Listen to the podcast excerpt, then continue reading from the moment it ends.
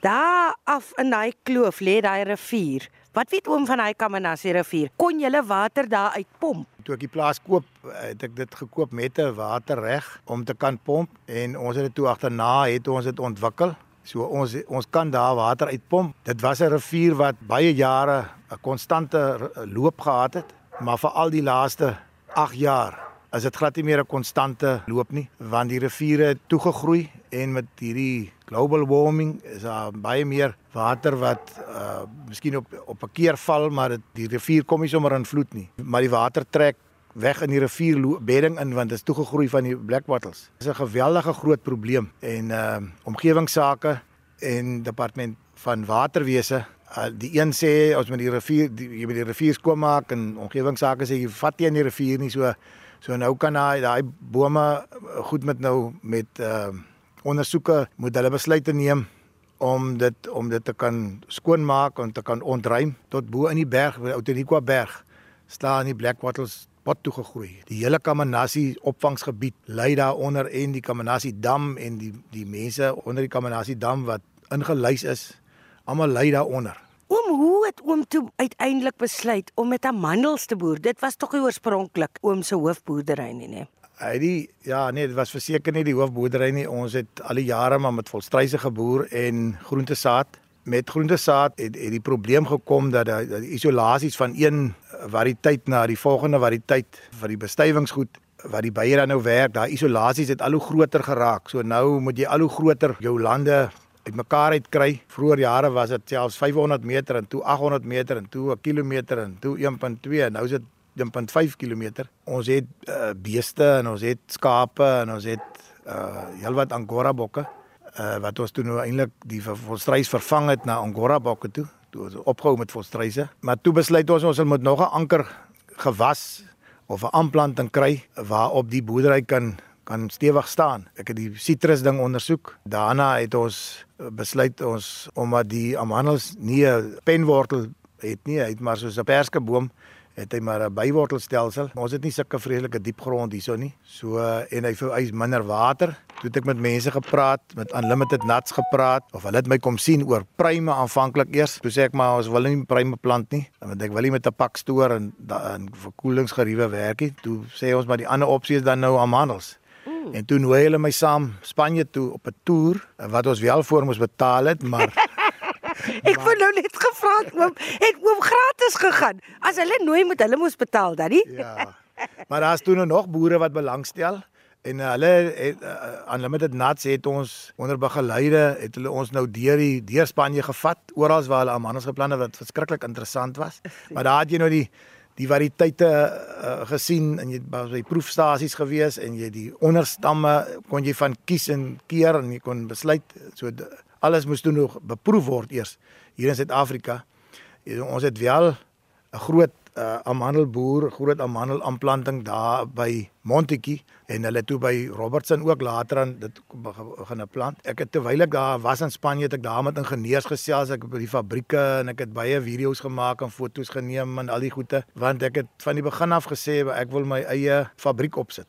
Ons het verlede jaar die eerste proeflopies geloop met die met die fabriek en ons is nou so pas besig om my laaste veranderings net in plek te sit. Eh, ons is op skedule dink ek ons ons fabriek gaan goed loop, hy gaan mooi loop. Ons gaan self die waarde kan toevoeg.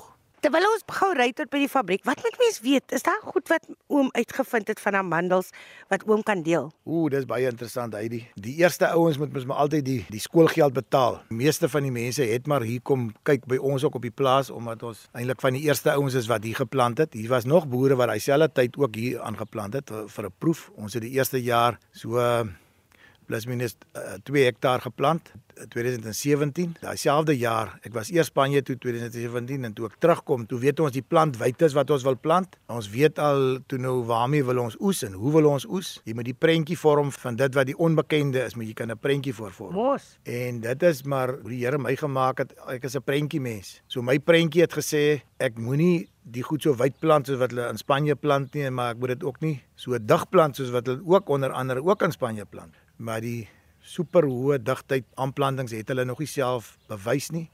En dis hoekom op die lang duur weet ons nog nie of dit gaan werk nie. Dis ander bestuurspraktyke wat jy moet toepas. Um, jy moet meganies snoei sodat jy hom dan nou ook uit die aard van die saak nie met die hande pluk of met 'n uh, jy moet nou hierdie dis eintlik soos 'n pasmasjien waarmee hulle ook onder andere die druiwe oes en as hy nog hoër loop dan kan hulle met hom olywe ook oes. Maar 'n soortgelyke ding oes hulle amandels mee op daai superhoë digtheid. Dan kan dit goed wees om da, om dit so aan te plant, maar daai masjinerie is geweldig duur. Jy praat van tussen 5 en 8 miljoen rand net vir 'n masjien om om mee te oes. Nee. Ons het toe nou weier geplant, ons het nou 2 by 5 geplant. 5 meter rye uitmekaar het met 2 meter in die ry. Ons gebruik op hierdie stadium mos nou maar die boorgat water. Nou hierso in die in die in die in die herfsttyd gee ons dit twee keer 'n week 2 ure water en in die somer gee ons 4 ure tot 5 ure twee keer 'n week. Oom, hoe lyk dit? Sou oom my gou vinnig gaan wys by die fabriek? Ja. Klim ek ook hoog in nou. Ja, hy kort beentjies, my maat ook sulke kort beentjies. Ehm uh, Wat eintlik hierdie jaar 'n swakker oes want is wat ons verwag het want die bome het nie reg gebot verlede jaar nie. Die uh, die koue eenhede was nie laag genoeg gedaal nie en die bome het net onreëlmatig gebot of geblom. So die oes is glad nie soos hy moet wees nie. Maar so leer 'n mens ook seker in die proses, né, nee, oom? Ja, nee, vir seker leer 'n mens, maar dit is nou die elemente soos wind en uh, en haal en sulke goed. Ons het nou hierdie jaar het ons nou twee keer al haal gehad wat ons eintlik nooit kry in hierdie area nie. En ons het 'n stormwind gehad nou op 'n Vrydag en uh en dit se muur net sommer vier spulpunte omgewy. Is die wind so sterk hier oom? Sterk geweest, ja. Yes. Was nie normaal nie. Dit was net hierdie absolute amper soos 'n orkaan of so rukwinde wat hy gemaak het. Ja, dis tog af. So dis nou die fabriek oom? Ja.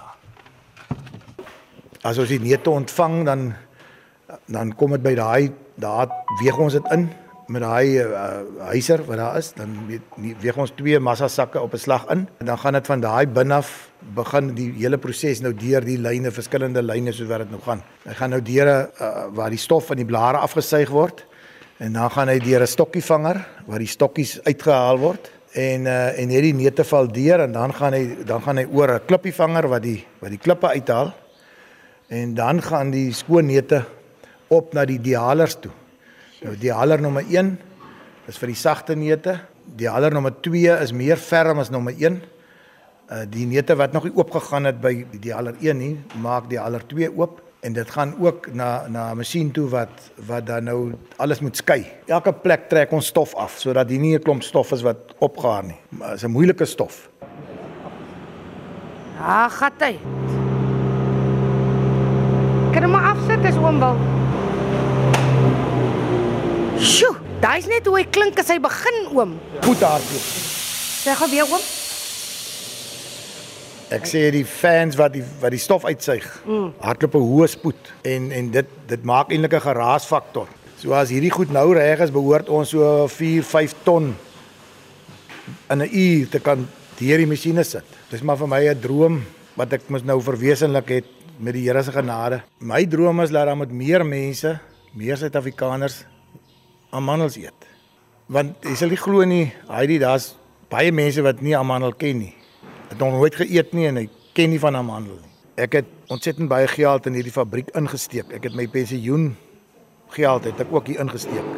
Wat eintlik baie dom is as jy dit so, maar dis hoe vas ek glo daarin dat hierdie bedryf gaan werk en dat die die fabriek se uitset gaan vir my die oorlewing gee wat ek verwag uit die kapitaal wat ek hier ingesit het. Dis die begin van iets groots want die mense eet meer amandels. Hulle moet dit net meer bewus gemaak word en hulle moet dit goedkoper in die hand kan kry. Dan gaan hulle dit meer eet. Lekker oom. So oom se droom is maar eintlik net dat dit meer bekostigbaar is op die ou end ja. vir die publiek en dat on, dat die boere ook nog 'n regmatige staanplek kan hê in die bedryf in die in die amandelbedryf in Suid-Afrika. Die groter maatskappye in in in en ek sê nie ek wil oorlog maak met hulle nie. Die groter maatskappye, hulle het ook op bestaansreg, maar dit lyk vir ons dat dit ons word nou onderdruk. Ons het nie nou, hulle druk ons dood dat ons nie meer bestaansreg het nie. As want hulle wil nie by ons aankoop teen die prys wat ons vir hulle vra nie. Maar hulle kan ook nie vir ons sê hoekom sit hulle so baie geld by om dit by die publiek uit te kry nie. Ons gaan nou in 'n posisie kan inbeweeg waar ons wel kan 'n prys maak en dit nog kosbaar maak vir die kliënt wat dit moet kan koop. En oom se hart sal op sy blyste wees, nê? Nee. Ek glo dit is regtig dis voor die hand liggend dat dit kan gebeur. Dis soos soos 'n vrug wat ryp raak. Ek dink hierdie ding dit raak nou tyd dat die boere ook moet kan waarde toevoeg.